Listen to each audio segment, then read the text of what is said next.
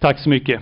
Ehm, jag har faktiskt modifierat under arbetet med föredraget så, så nu heter det Han ställde mina fötter på en klippa om den dynamiska rättsprocessen. Det, det kommer på något sätt ha med frälsningsvisshet att göra men det ämnet avhandlades ju alldeles lysande fint igår. Ehm, så nu blir det eh, med aspekten den dynamiska rättsprocessen. Och jag tänker försöka återuppliva en genre som, som är, är när, närmast utdöd. Och det är vad vi brukade förr i världen kalla för knasterteologi. Alltså en teologi som i sin torrhet är, är, är, är, kan beskrivas närmast med begreppet knaster. Jag väntade ivrigt på Herren och han böjde sig till mig och hörde mitt rop. Han drog mig upp ur fördärvets grop, ur den djupa dyn. Han ställde mina fötter på en klippa och gjorde mina steg fasta. Han lade i min mun en ny sång, en lovsång till vår Gud. Vi känner igen orden från Saltarens 40 psalm och den andra versen. Kraften i den hebreiska poesin bryter fram genom tid och rum från kung Davids kampfyllda liv i Israel fram till undergångsstämningens barn i vår tid, ända fram till undergångsstämningens barn i dagens västerland. Det skulle inte kännas som en hopplös uppgift att med hjälp av dessa dynamiska verser som en handfast om en handfast räddning ur en skamfylld dödsångest till befriad lovsång, att utifrån den här versen försöka förklara vad frälsning betyder också för de helt kristendomsfrämmande människorna i Sverige idag.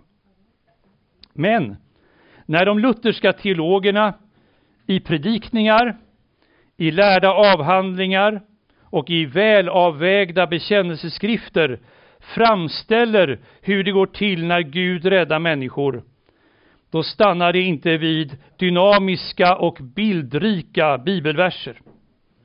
Utmaningen att förklara och levandegöra för människor vad Guds frälsning innebär blir betydligt större när vi står inför texter som handlar om synd och skuld, om domar, straff, offer och om rättfärdiggörelse.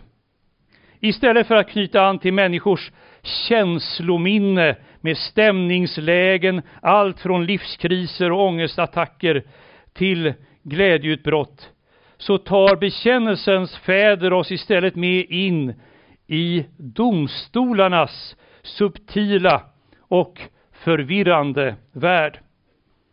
Den pedagogiska uppgiften för oss blir inte mindre svår när vi ska förklara att Gud på en gång är domare, åklagare, försvarsadvokat och den som betalar borgen. Att för millenniegenerationen som bemöter kollektiva regelverk med ett förvånat och möjligen nyfiket varför då? Att för dem beskriva en gudomlig rättsordning med en naturlags axiomatiska ställning. Ett regelstyrt spel som man inte kan stänga av när man vill. Det är, låt oss säga, en utmanande uppgift. Men det är just den utmaningen jag tänker ta mig an. Syftet med mitt föredrag är att påvisa att bekännelseskrifterna och deras författares och bekännares framställning av frälsningen genom rättfärdiggörelsen såsom ett drama i en gudomlig domstol är lika dynamiskt, psykologiskt och existentiellt berörande som att bli dragen ur, den, ur det dränkande sunkhålet och bli ställd på räddningens fasta klippa. Det pedagogiska problemet med att förbinda evangelium om Jesus Kristus, evangelium om hans död och uppståndelse, med en juridisk akt och ett forensiskt, det vill säga rättsligt språkbruk, det är långt ifrån ett nytt problem. När Luther och Melanchthon omsatte sina nyvunna insikter om vad först Paulus och så hela skriften lär om hur en människa räddas från synd och från syndens straff i en evig död till evig rättfärdighet, oskuld, liv och salighet. När de står inför det, då aktiverar de termer från Anselms försoningslära från denne skrift Cor Deo Homo från slutet av 1000-talet. Vi talar alltså om Anselm av Canterbury. Liknande framställningar av Guds försoningsverk som en domstolsakt fanns framställt redan av Augustinus och Tertullianus. Den forensiska försoningsläran hörde till den medeltida teologins allmängods. Möjligen hade den framväxande humanismen och renässansen börjat önska sig en mer dynamisk och praktisk framställning av vad Guds frälsande nåd kunde åstadkomma med människan. Kritiken mot Luther och Melanchtons framställning av rättfärdiggörelsen kom från de ledande eh, romersk-katolska teologernas sida att kretsa kring bristen på, på verklig och dynamisk förändring i den människa i vilken Gud utför sitt frälsande verk. Att någon frikänns trots att den personen är skyldig kan tyckas närmast omoraliskt om den frikände inte också visar tydliga tecken på att ha blivit en helad eller för att tala i vårdvetenskapliga termer sanerad människa. Det hebreiska verbet som står i modus hifil, alltså hisdik, av, eh, av grundordet sedek som betyder rättfärdighet. Alltså när man gör ett verb av sedek, rättfärdig, då blir det södaka. Men så finns det på hebreiskan olika modi. Vi har ju, ni vet, eh, indikativ och en del av oss använder konjunktiv. Och en del människor framstår helt och hållet som konjunktiv. Men på hebreiskan finns det sju olika modi eh, och bland annat något som heter hifil. Och då användes hifil eh, om ett verb som åstadkommer det substantiv som det, samma, som det uttrycker. Alltså om man ska göra, om man ska åstadkomma fenomenet rättfärdighet, då används verbet i formen hifil. Det blir alltså hisdik. Och detta översätts i Septuaginta med grekiskans dikaion och det betyder närmast utan undantag att någon av en domare i en juridisk akt förklaras oskyldig eller rättfärdig. Den humanistiska förståelsen var att det skulle betyda istället att fysiskt konkret göra någon till en rättfärdig person, att ingjuta i en person rättfärdigheten från Gud. Baserat på dessa lingvistiska insikter formulerar doktor Adolf Hönnecke 1835 till 1908 utspanns hans jordiska liv. Han var professor vid eh, seminariet i Wauwatosa i Wisconsin.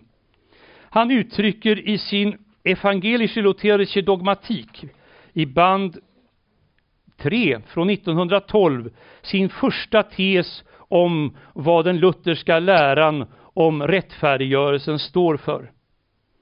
Rättfärdiggörelsen, skriver Hönnecke, är en rättslig handling av Gud i vilken den syndiga och därigenom till det eviga straffet hemfallna människan utan någon förtjänst genom nåd för Kristi skull förklaras rättfärdig.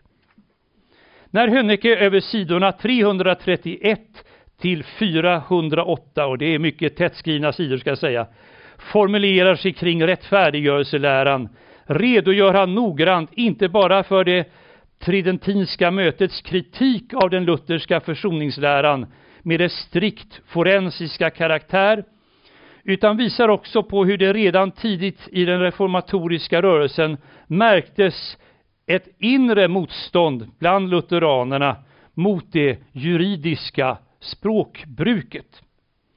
Andreas Osiander försökte formulera en frälsningslära, en rättfärdiggörelselära som helt skulle vila på Kristi inneboende genom tron i hjärtat hos dem som är utvalda. Och den rättfärdighet som Kristus själv äger och med sin person för in i de troende är enligt Osiander inte resultatet av satisfactio vicaria, det vill säga Kristi ställföreträdande lidande. Alltså vad Kristus lever och lider i vårt ställe.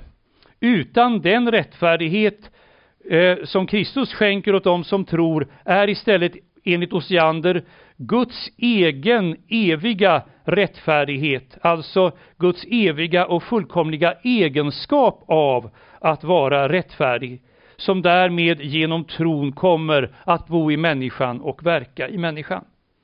Det kan man kalla en verkligt objektiv lära om rättfärdiggörelsen, som alltså inte ens refererar till Kristi ställföreträdande offer, utan som så att säga hoppar över Kristus och direkt knyter an till Guds egen eviga rättfärdighet. Men Concordieformen framhåller detta som en sammanblandning.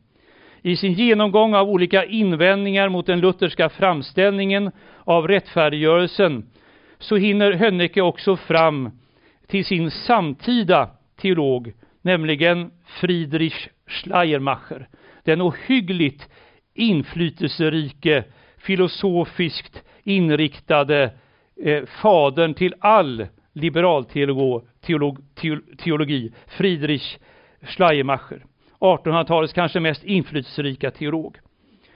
Hönnekes beskrivning av Schleiermacher är att denne är en panteist som på ett filosofiskt sätt framställer Guds handlande med sin skapelse. Och där Schleiermacher då eh, går vidare med att framställa frälsningen av skapelsen så att Gud har antagit mänsklig natur i Jesus. Så att därmed skulle Guds plan på att fullborda sin skapelse vara sakligt genomförd genom att Gud går in i den kollektiva mänskliga eh, naturen. Genom att Jesus har del i hela mänskligheten har också alla människor del i Gud och oavsett om människor tror eller inte så kommer Guds rättfärdighet att etiskt omforma människorna i en kosmisk och global process. Om någon enskild människa personligen tycker att hon inte har hunnit bli så omskapad som hon skulle önska, eh, så har hon ändå sin sak klar genom att hon har del i en mänsklighet som Gud har förenat sig själv med genom inkarnationen. Synden, som möjligen är kvar hos människorna då, så långt enligt Schleimacher. stör enligt Schleimacher inte Gud, men om människan får besvär med sitt, inte med sin synd, utan med sin subjektiva syndamedvetande, så kan hon i kyrkan få den hjälp hon behöver för att på nytt hänge sig åt Jesus och förverkliga det gudamänskliga livet här i världen i ett etiskt och moraliskt förhållningssätt. Så långt Hönnekes framställning av Schleiermacher. Hönnecke analyserar alltså både den första och i hans fall för, för honom den sista lutherska teologen som ställer sig utanför det forensiska schemat när de försöker förstå frälsningen och rättfärdiggörelsen. Vad som förenar Osiander och Schleiermacher teologiskt är att de formulerat frälsningsläror som på en gång är mer objektiva och å andra sidan mer subjektiva än vad reformatorernas och de ortodoxa fädernas läroframställning eh, fastslår. Hos Osiander bygger rättfärdiggörelsen inte på Kristi försoningsoffer här i tiden, utan på Guds eviga rättfärdighet. Hos Schleimacher är det Guds delaktighet i mänskligheten som är grunden, oavsett människors personliga tro.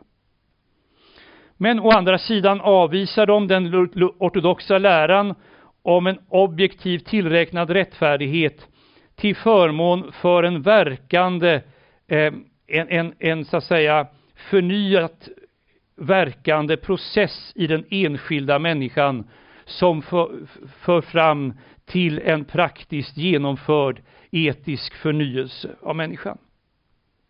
Schleimacher tycks för sin del överhuvudtaget inte räkna med tron som en faktor, enligt Hönnecke.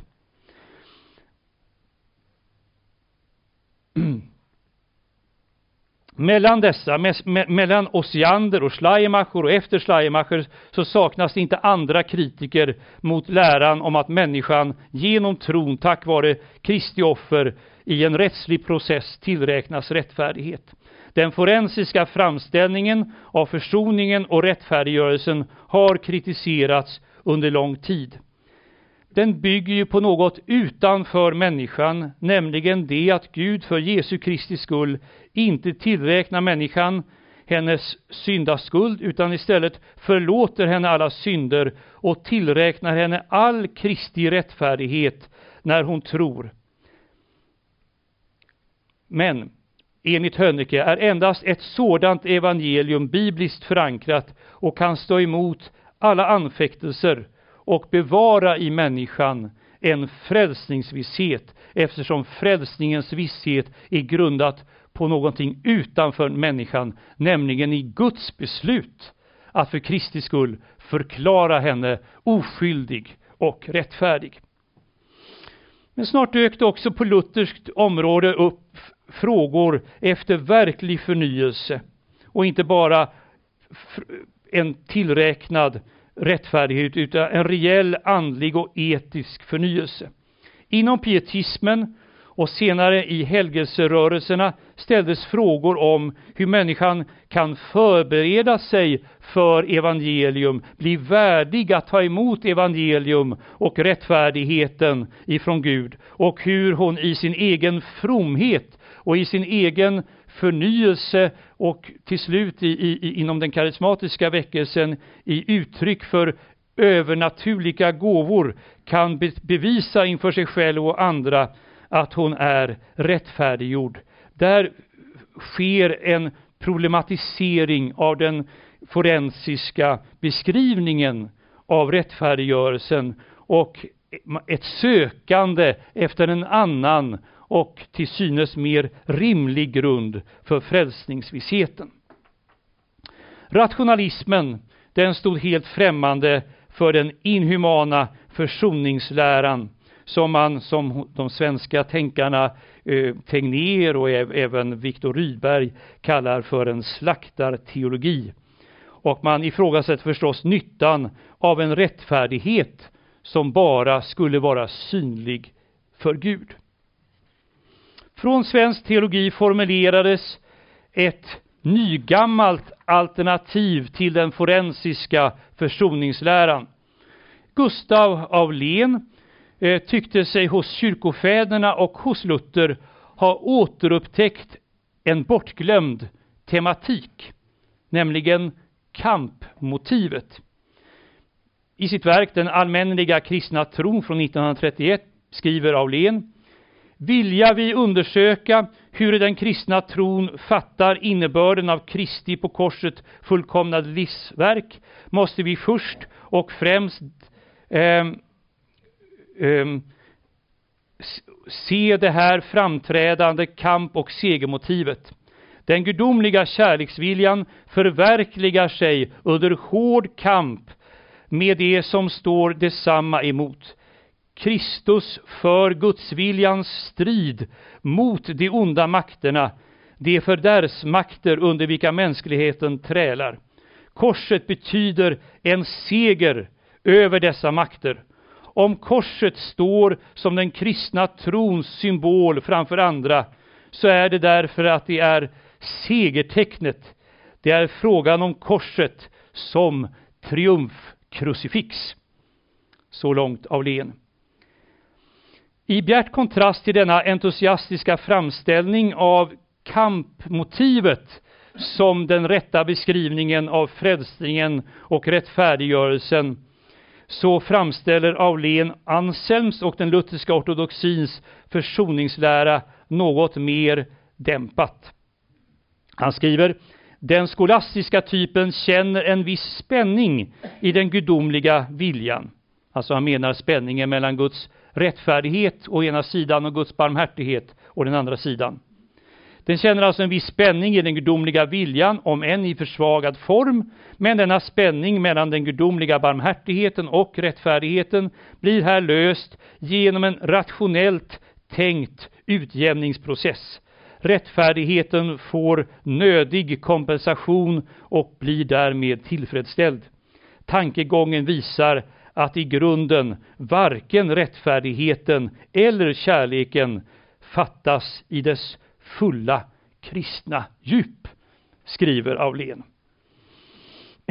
Men en med Aulén samtida svensk teolog, Sigfrid von Engeström, professor i, etisk, eh, i teologisk etik i Uppsala, han tar i sin bok Förlåtelsetanken hos Luther och nyare evangelisk teologi från 1938. Han tar den rättsliga rättfärdiggörelseläran i försvar. Han skriver i sin avslutande sammanfattning efter att ha behandlat Luther, Albert Ritschel, Friedrich Schleiermacher, Wilhelm Hermann, Ernst Brunner och Karl Barth. Först om de nyare teologerna. Engelström skriver så här.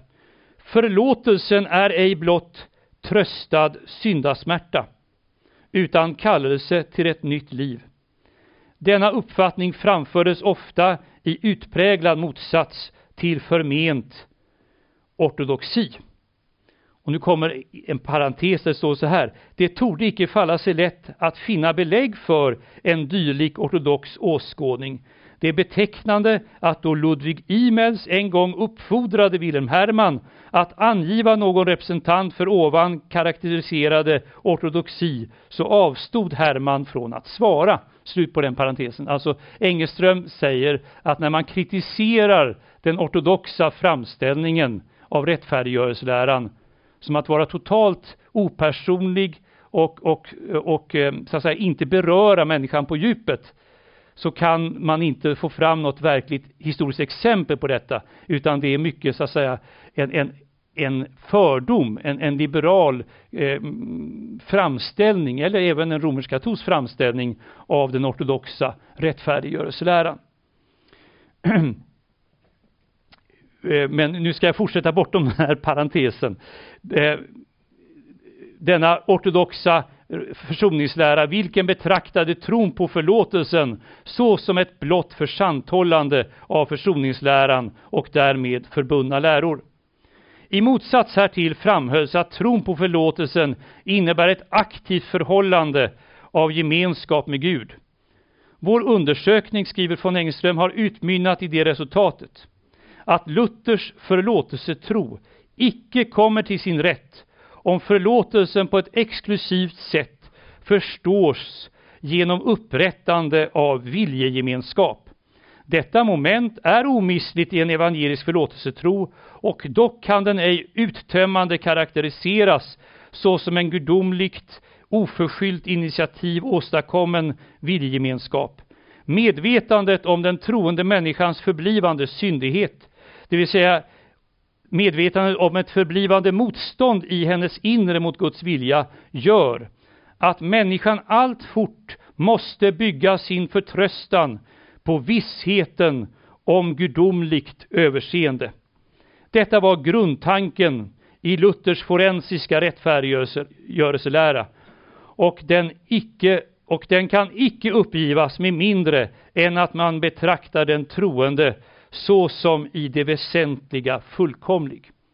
Alltså von Engenström menar att ska man gå bort från det här rättsliga, forensiska och istället hoppas på att det händer någonting praktiskt med människans vilja och hennes inre liv, då måste man verkligen tro att människan kan bli perfekt inför Gud om hon ska kunna nå frälsningsvisshet. Men om vi tror att människan hela livet kommer visa syndig svaghet också så som ett Guds barn, som frälst, då kan ett fast hopp endast bygga på ett forensiskt rättsligt beslut hos Gud.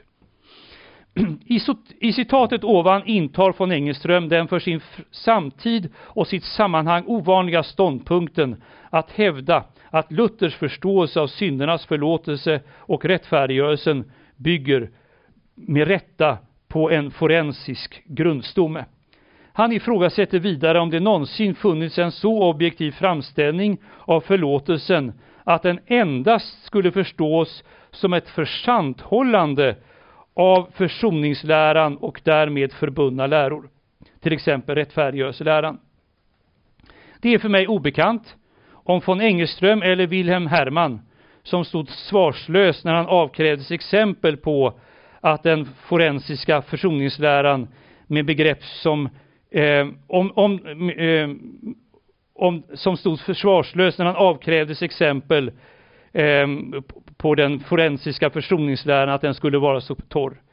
Det är för mig obekant om dessa två, von Engelström och Hermann, var bekanta med begrepp som världsrättfärdighet och den så kallat objektiva försoningsläran. I en sådan framställning av rättfärdiggörelsen, där rättfärdiggörelsen begreppsmässigt sammanfaller eller möjligen sammanblandas med försoningen eller återlösningen. Där, menar jag, står vi inför en läroframställning där inte ens ett trons försanthållande förutsätts för rättfärdiggörelsens frälsande effekt. Jag ska snart exemplifiera vad jag nu åsyftar. Under redaktion av docenten Seth Erlandsson har stiftelsen Biblicum till reformationsjubileet förra året utkommit med en utmärkt liten volym som heter Rättfärdiggörelsen genom tron, Luthers nyupptäckt av det villkorslösa evangeliet. I den här boken finns de centrala Luthertexterna samlade. Om en kristen människas frihet, företalet till romarbrevet, utdrag ur Stora Galaterbrevskommentaren. Men här finns också en intressant sammanfattning av den bibliska och lutherska rättfärdiggörelseläran författad av redaktören av boken, alltså Seth Erlandsson. De 14 sidorna avsedda att för vår tids kristna eller för vår tids sanningssökare eh, förklara evangelium rymmer verkligen utmärkta och klargörande sammanfattningar. Men det begränsade formatet och evangelisationens angelägenhet har av Erlandsson ändå ansetts kräva en polemik mot den norske teologen Olav Valen Senstad och hans bok Rättfärdiggjort av tro ifrån Oslo 1968. Orsaken tycks vara att Erlandsson och kretsen bakom boken inte vill nöja sig med att redogöra för läran om rättfärdiggörelsen genom tron, som trots allt nu är bokens titel, utan de är uppenbart angelägna att föra fram också särmeningen om vad vi kan kalla läran om rättfärdiggörelsen utan tro. Skälet till en sådan lära, eller en sådan begreppsanvändning, som var okänd för reformatorerna, har behövt eh, formuleras och, eh, och uttrycks så här av Erlandsson på sidan 111 i den här lilla boken. För många är tron inte bara ett mottagande av den rättfärdiggörelse som redan finns som en färdig gåva. Tron uppfattas som en inre förvandling som är nödvändig för att en rättfärdiggörelse ska kunna komma till stånd. Men det är det som tron tar emot som är grunden för rättfärdiggörelsen, inte själva mottagandets akt. Tron rättfärdiggör endast genom sitt föremål. Det här är formulerat av Erlandsson och, och i det instämmer jag till 100 procent. Jag tar det här citatet för att försöka förklara hur, som jag förstår, att läran om världsrättfärdiggörelsen har uppstått, där den har ansetts angelägen att framhålla. Nämligen att när man traditionellt lär att en människa blir rättfärdiggjord genom tron alena, så har man börjat beskriva att tron i sig innehåller en kvalitet som gör människan rättfärdig. Och då har man behövt framställa det så, nej, det finns inget i människans tro som gör henne rättfärdig, utan det är det människan tror på och som tron griper om som gör henne rättfärdig. Och då har man velat framställa det så att rättfärdiggörelsen föreligger för varje människa också innan hon tror. Nåväl, redan här möter vi svårigheten med detta försök till att formulera ett superobjektivt evangelium där rättfärdiggörelsen inte längre är den punkt där den enskilde kristne kan bli förvissad om att han eller hon är frikänd från sina synder och tillräknad Kristi rättfärdighet. När Erlandsson skriver det som tron tar emot som är grunden för rättfärdiggörelsen tycks han mena, logiskt sett, att tron ska ta emot rättfärdiggörelsen. Alltså, alltså ta emot en allmän, för alla människor förefintlig frikännande från domen. Klassisk luthersk lära reserverar begreppet rättfärdiggörelsen till att betyda, avse det tillstånd då en kristen av den helige ande har fått trons mottagande gåva, som griper omkring Kristus och evangeliet om honom. Evangeliet som kommer till oss i den ena eller andra gestalten, alltså i det förkunnade ordet eller i sakramenten. När detta sker blir den som fått trons gåva av Gud i den stunden förklarad rättfärdig eller frikänd tack vare Kristi försoningsverk genom liv, lidande och död. Kategorin med en allmän rättfärdiggörelse som svävar ovanför de enskilda objekten för rättfärdiggörelse, alltså ovanför de syndiga människorna som förs till tro den typen av en slags global eh, objektiv rättfärdiggörelse som inte är personligt tillämpad, den har vi i någon utsträckning mött hos Schleiermacher. Hans kosmiska, eller som Hönnecke menar panteistiska rättfärdiggörelse har en helt annan karaktär än den nyevangeliska angelägenheten att råda bot på vad de menar är pietisternas fördunkling av rättfärdiggörelsens objektivitet. Men lika väl som det kan vara nödvändigt att markera mot varje form av romaniserande rättfärdiggörelse där grunden för rättfärdiggörelsen står att söka i någon kvalitet som människan utvecklar inom sig. Lika viktigt bör det vara efter de senaste 200 åren av en liberal kosmologisk teologi färgad av Schleiermacher och de övriga liberalteologerna att markera åt det hållet. Erlandsson och de som liksom han använder begrepp som den objektiva rättfärdiggörelseläran eller världsrättfärdigheten tvingas ändå till sist medge att det finns en rättfärdiggörelse som inte alls ligger till grund för frälsningsvissheten nämligen vad de kallar den objektiva rättfärdiggörelse som finns oberoende av trons mottagande. Därför kan de inte längre framställa rättfärdiggörelsen som den punkt där människan kan vara viss om att hon är i nådens tillstånd och ett Guds frälsta barn. Alltså en människa som är objektivt rättfärdiggjord på det här övermänskliga planet kan ju ändå gå evigt förlorad. Utan de som hävdar den här mm, världsrättfärdiggörelseläran måste för att beskriva det här tillståndet då en människa kan vara viss om sin frälsning, de måste föra in begreppet rättfärdig förklarad i sin läroframställning. Det tycks mig långt mera fruktbart att ta den teologiska striden, inte om rättfärdiggörelsebegreppet, utan om begreppet tro och om hur tron förhåller sig till rättfärdiggörelsen än att börja begreppsmässigt blanda samman försoningen och återlösningen, satisfactio vicaria, som ju är global så att säga och som är universell och gäller alla människor i alla tider. att blanda samman det med rättfärdiggörelsen som sakligt just handlar om den objektiva och nådefulla verkligheten tillämpad på den enskilda människan, den enskilda människan som genom tron blir frikänd och inför Gud och Guds domstol blir förklarad rättfärdig personligen och individuellt. Också vår sagesman Adolf Hönnecke, som är alltså en av Wisconsin-synodens främsta dogmatiker, skriver några korta, observera korta rader om eh, vad han kallar eine allgemeine Rechtfertigung, alltså en allmän rättfärdiggörelse. Han skriver Die Rechtfertigung ist eine Handlung Gottes, welche, welche in der Zeit und an jedem einzelnen Sünder besonders geschieht. Aber es gibt auch eine allgemeine Rechtfertigung, welche in der Zeit und zwar in Christi Leiden und Auferstehen über alle Menschen ergangen ist. Alltså det finns en allmän rättfärdiggörelse som genom Kristi död och uppståndelse så att säga eh, på något sätt eh, har gått upp som en soluppgång över alla människor.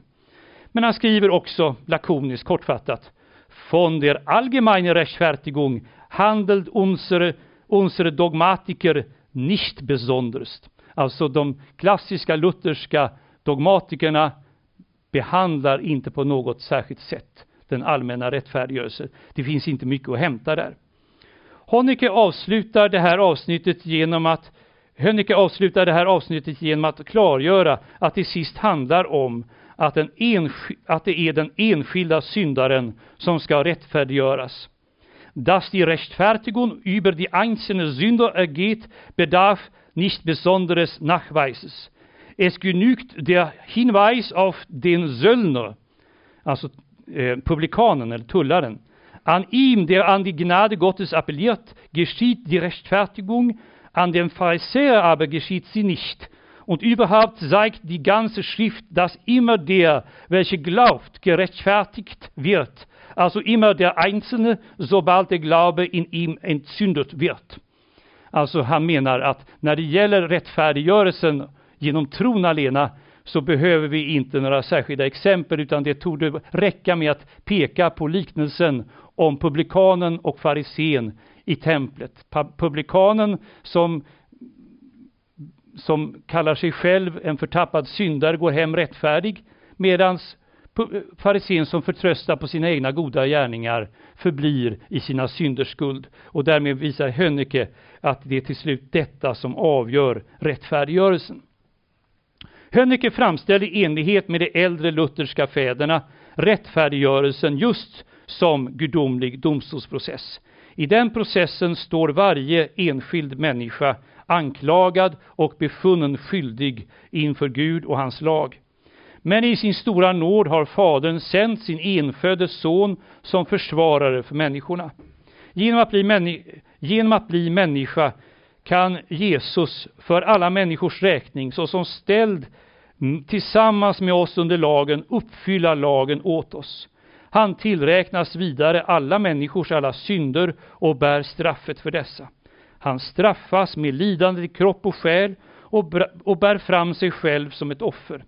Genom hans mänskliga naturs förening, genom personens enhet med den gudomliga naturen och genom egenskapernas meddelelse har Jesu lidande och död ett sådant andligt och rättsligt värde att det räcker för att friköpa alla människor från deras synder och skulder. Den människa i vilken den helige Ande uppväcker en tro som griper om Guds gåva den människan tillräknar Gud sin nåd, tillräknar den människan också alla Jesu förtjänster, ja, hela Jesu rättfärdighet. Hönnecke är väl medveten om den romerska kritiken mot läran om imputatio, alltså tillräknandet. Eh, alltså det, det, till tron, eh, det till den troende syndaren tillräknade värdet av Jesu rättfärdighet. Hönnecke skriver bekanntlich verspotten die zugerechnete äh, Gerechtigkeit als eine ganz imaginäre und illusorische, weil sie eben keine inherierende, eingegossene, habituelle, alltså keine reale sei. Alltså, de tidiga romersk-katolska kritikerna av den lutherska reformationen bespottar läran om den tillräknade rättfärdighet som någonting illusoriskt och, och bara en, en, en, en föreställning eftersom det inte handlar om någonting som bor i människan, någonting som är ingjutet genom Guds nåd i människan. Det är ju denna kritik mot det alltför objektiva, alltför principiella, den över jorden upphöjda i, det, det över jorden upphöjda i frälsningsläran som gång på gång dykt upp också inom den lutherska kyrkan. Också inom den lutherska kyrkan har man haft svårt att hantera den här rättsliga beslutet av Gud i rättfärdiggörelsen. Och där möter oss den här kritiken i en del framställningar, eh, bland annat inom pietismen. Gustav Aulén som tycker sig i fornkyrkan finna den ursprungliga försoningsläran med temat kamp och seger drevs av en angelägenhet att göra rättfärdiggörelsens under mer praktiskt och mer konkret närvarande i tid och rum och i människan. Det är uppenbart att Hönnecke avfärdar den här kritiken mot den forensiska läran om försoning och rättfärdiggörelse. Men han nöjer sig inte med att polemisera mot sina motståndare. Det är uppenbart att vad han själv vill tillföra i sin framställning av, dogm, av dogmhistorien och av rättfärdiggörelseläran är en breddad och en fördjupad framställning av det forensiska. Så att det till synes kyliga och över världen upphöjda i rättsprocessen istället framställs i hela sin dynamiska och dramatiska verkan. Hönnecke skriver, och nu har jag faktiskt översatt tyskan här, Eh, dogmatikern, han syftar här på Kvenstedt, dogmatikerns avsikt är uppenbar. Eh, han vill påvisa att enligt skriften finns en mycket reell medelväg mellan en fysiskt ingjuten av en habituell inneboende rättfärdighet, det är den papistiska uppfattningen enligt Hönnecke, och en tom verkningslös betecknande tillräkning, alltså att man bara får en slags lapp klistrad på sig, eh, som papisterna utan grund beskyller den lutherska läran om tillräknandet för. Det verkliga som ligger där i mitten är en tillägnad tillräkning, appropriata impotatio, skriver Hönnecke. Tom vore tillräknandet om tillräkningsprocessen endast skedde uppe i himlen, i Guds domstolskansli, och liksom att den avklarades bakom ryggen på syndaren. Men nu är syndaren istället delaktig i denna tillräkningsprocess genom den helige Ande som verkar genom ordet till honom. Han får ta emot Guds domslut om honom när den heliga Ande tillägnar honom hela processen som något som handlar om syndaren själv. Så kommer syndaren ur den här processen som en som äger sin rättfärdighet, inte som något han lyckats med genom sina egna gärningar, inte som något han in, som ingjutits i honom, utan något som har tillsagts honom i Guds ofelbara beslut om honom. Vilken fastare grund kan därför en syndare vilja ha än att han kan säga jag är rättfärdig eftersom Gud själv fäller detta omdöme om mig. Du är rättfärdig och jag förklarar att det omdömet om mig gäller inför Gud. Hönnecke har iakttagit, iakttagit en spänning mellan äldre och senare lutherska dogmatiker i framställningen av vad som sker med en troende syndare i rättfärdiggörelsen. De han kallar de senare dogmatikerna, Museus, Bayer, Budeus, Feuerlin och Walch, framställer det så att rättfärdiggörelsens väsende uttömmande kan beskrivas som syndernas förlåtelse eller ett icke-tillräknande av syndens skuld på människan. Medan de äldre dogmatikerna skriver Hönnecke, såsom Gerhard, Kalovius och Kvenstedt, till rättfärdiggörelsens väsende också framhåller att Kristi rättfärdighet, hans fullkomliga uppfyllande av alla Guds krav, hans fläckfria helighet också tillräknas människan. Hönnecke sammanfattar sin förståelse av rättfärdiggörelseläran så här. Jag läser långsamt som ni kan följa med i denna vackra tyska. Die Rechtfertigung ist als Ganzes die Zurechnung der Gerechtigkeit Jesu.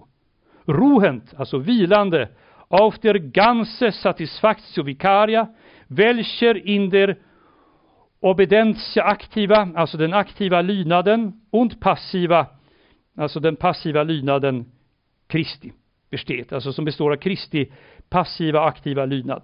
Und enthält damit ebenso wohl die Vergebung oder Nichtzurechnung der Sünder oder Erklärung als nicht mehr Unheilige, wie auch die Erklärung für Gerechte und Heilige vor Gott in sich.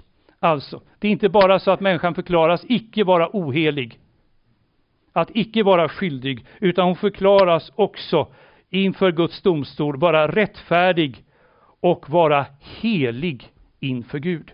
Det är den ursprungliga lutherska ortodoxins framställning. För att förklara den här dis distinktionen vill jag ta hjälp av en känd barnvisa. Och nu är jag ledsen att avvika ifrån den knastriga eh, ambitionen här. En barnvisa av den norske trubaduren och författaren Alf Preussen, mest känd i Sverige för berättelsen om Teskedsgumman, som någon möjligen kommer ihåg. I en trösterik sång om en gosse som brukade röra till det för sig, så sjunger Preussen riktat till den här stackars pojken som är ledsen när han ska gå till sängs för att han har varit så buse, busig.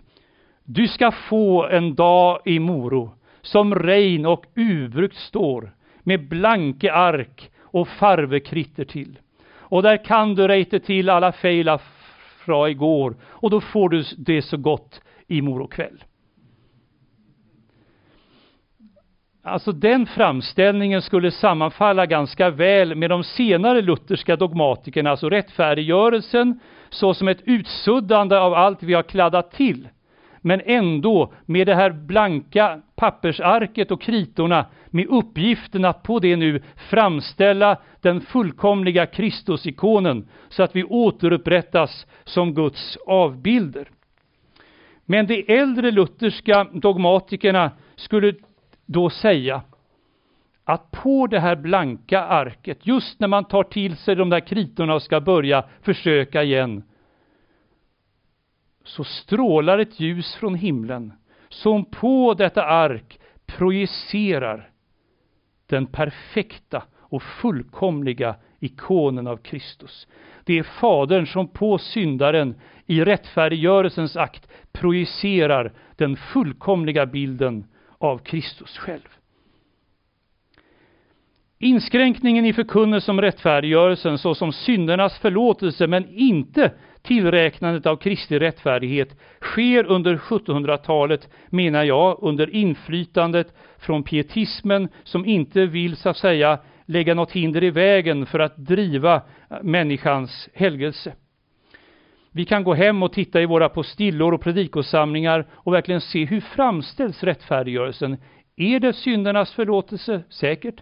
Men är det också tillräknandet av Kristi fullkomliga rättfärdighet? Desto mer överraskande och glädjande är det då att hos Henrik Schartau i hans bibliska katekes möta följande svar på frågan hur ser då Fadern på en syndare som genom tron har blivit rättfärdiggjord?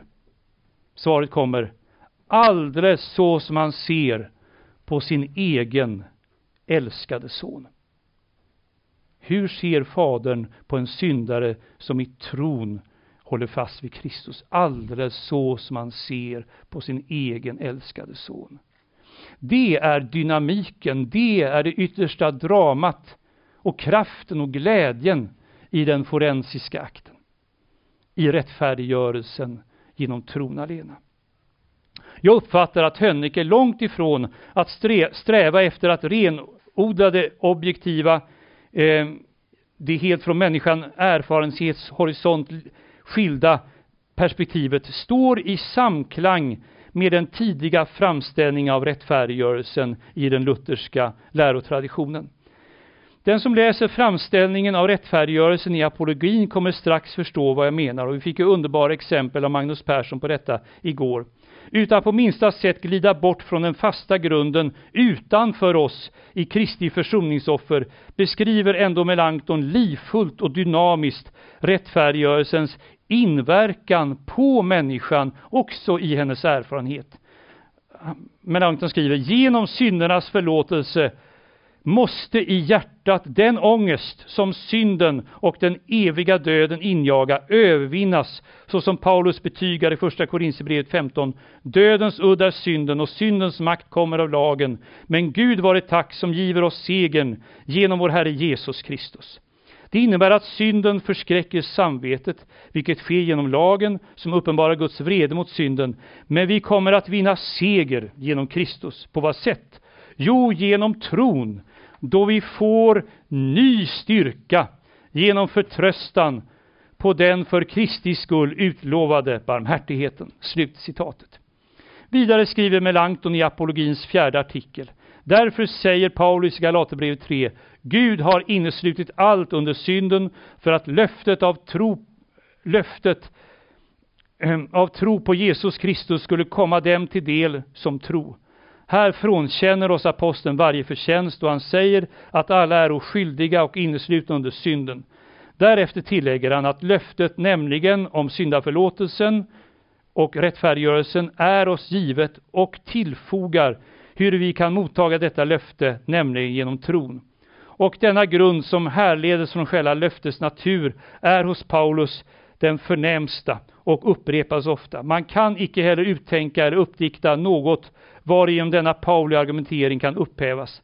Därför må alla själar icke låta sig rubbas från denna övertygelse att vi blott genom tron för Kristi skull mottaga syndernas förlåtelse.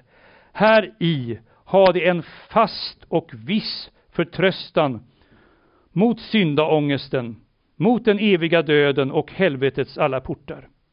Men då vi genom tron alena mottaga syndernas förlåtelse och den helige Ande, är det tron alena som rättfärdiggör, ty de som är försonade räknas såsom rättfärdiga och Guds barn, icke på grund av sin egen renhet, utan genom Guds barmhärtighet för Kristi skull, och denna barmhärtighet omfattas med tron. Slutcitatet. Observera här nu en mängd kraftfulla uttryck för känslor och erfarenheter som samlas omkring det fasta och objektiva i Guds löften, i löftena om Guds barmhärtighet och om det forensiska eh, rättfärdigförklarandet. Vi anar här alltså ett mönster i den lutherska läran om rättfärdiggörelsen.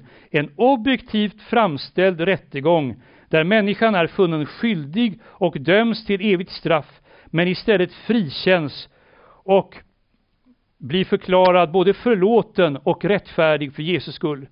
Precis som en anklagad sitter i, i domstolen, inte neutralt och akademiskt studerande processrättens alla spetsfundigheter, utan ibland ångestfylld och hotad, ibland lättad och hoppfull, deltar i processen med fullständigt engagemang och med starkast tänkbara känslor så för läran om rättfärdiggörelsen oss inför Guds domarsäte, in i en process på liv och död och liv.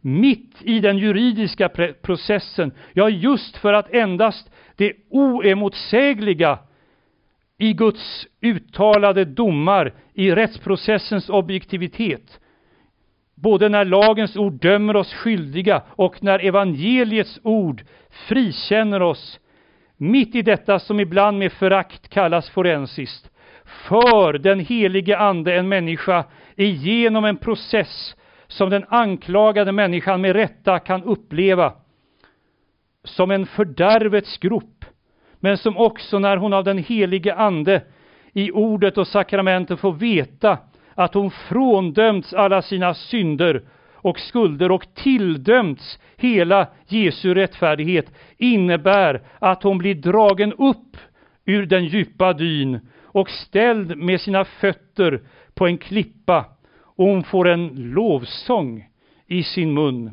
En sådan lovsång som inte endast är munnens tillbedjan utan som också är de goda gärningarnas lovsång. Goda gärningarna som inte är en nödvändig men en ofrånkomlig följd av den tro som tar emot och griper fast i Jesus. För att uttrycka det enkelt. När den helige Ande ger ett hjärta, två händer som kan ta emot mot Guds nåd i Jesus Kristus, ger han alltid samtidigt hjärtat två fötter som kan och vill gå i Jesu efterföljd. Bara det av Gud fattade domslutet att för Jesu Kristi blodiga offers skull döma en syndare att bli räknad som Guds egen son. Bara det kan ge människan den frimodiga tro som kan säga Ty sådan som Kristus är, sådana är vi i den här världen. Första Johannesbrevets fjärde kapitel och sjuttonde vers.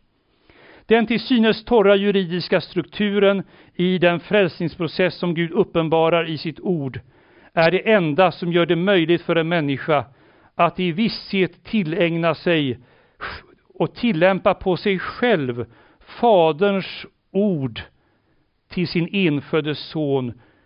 Du är min älskade, du är min son, den älskade. I dig har jag min glädje. Tack för er uppmärksamhet.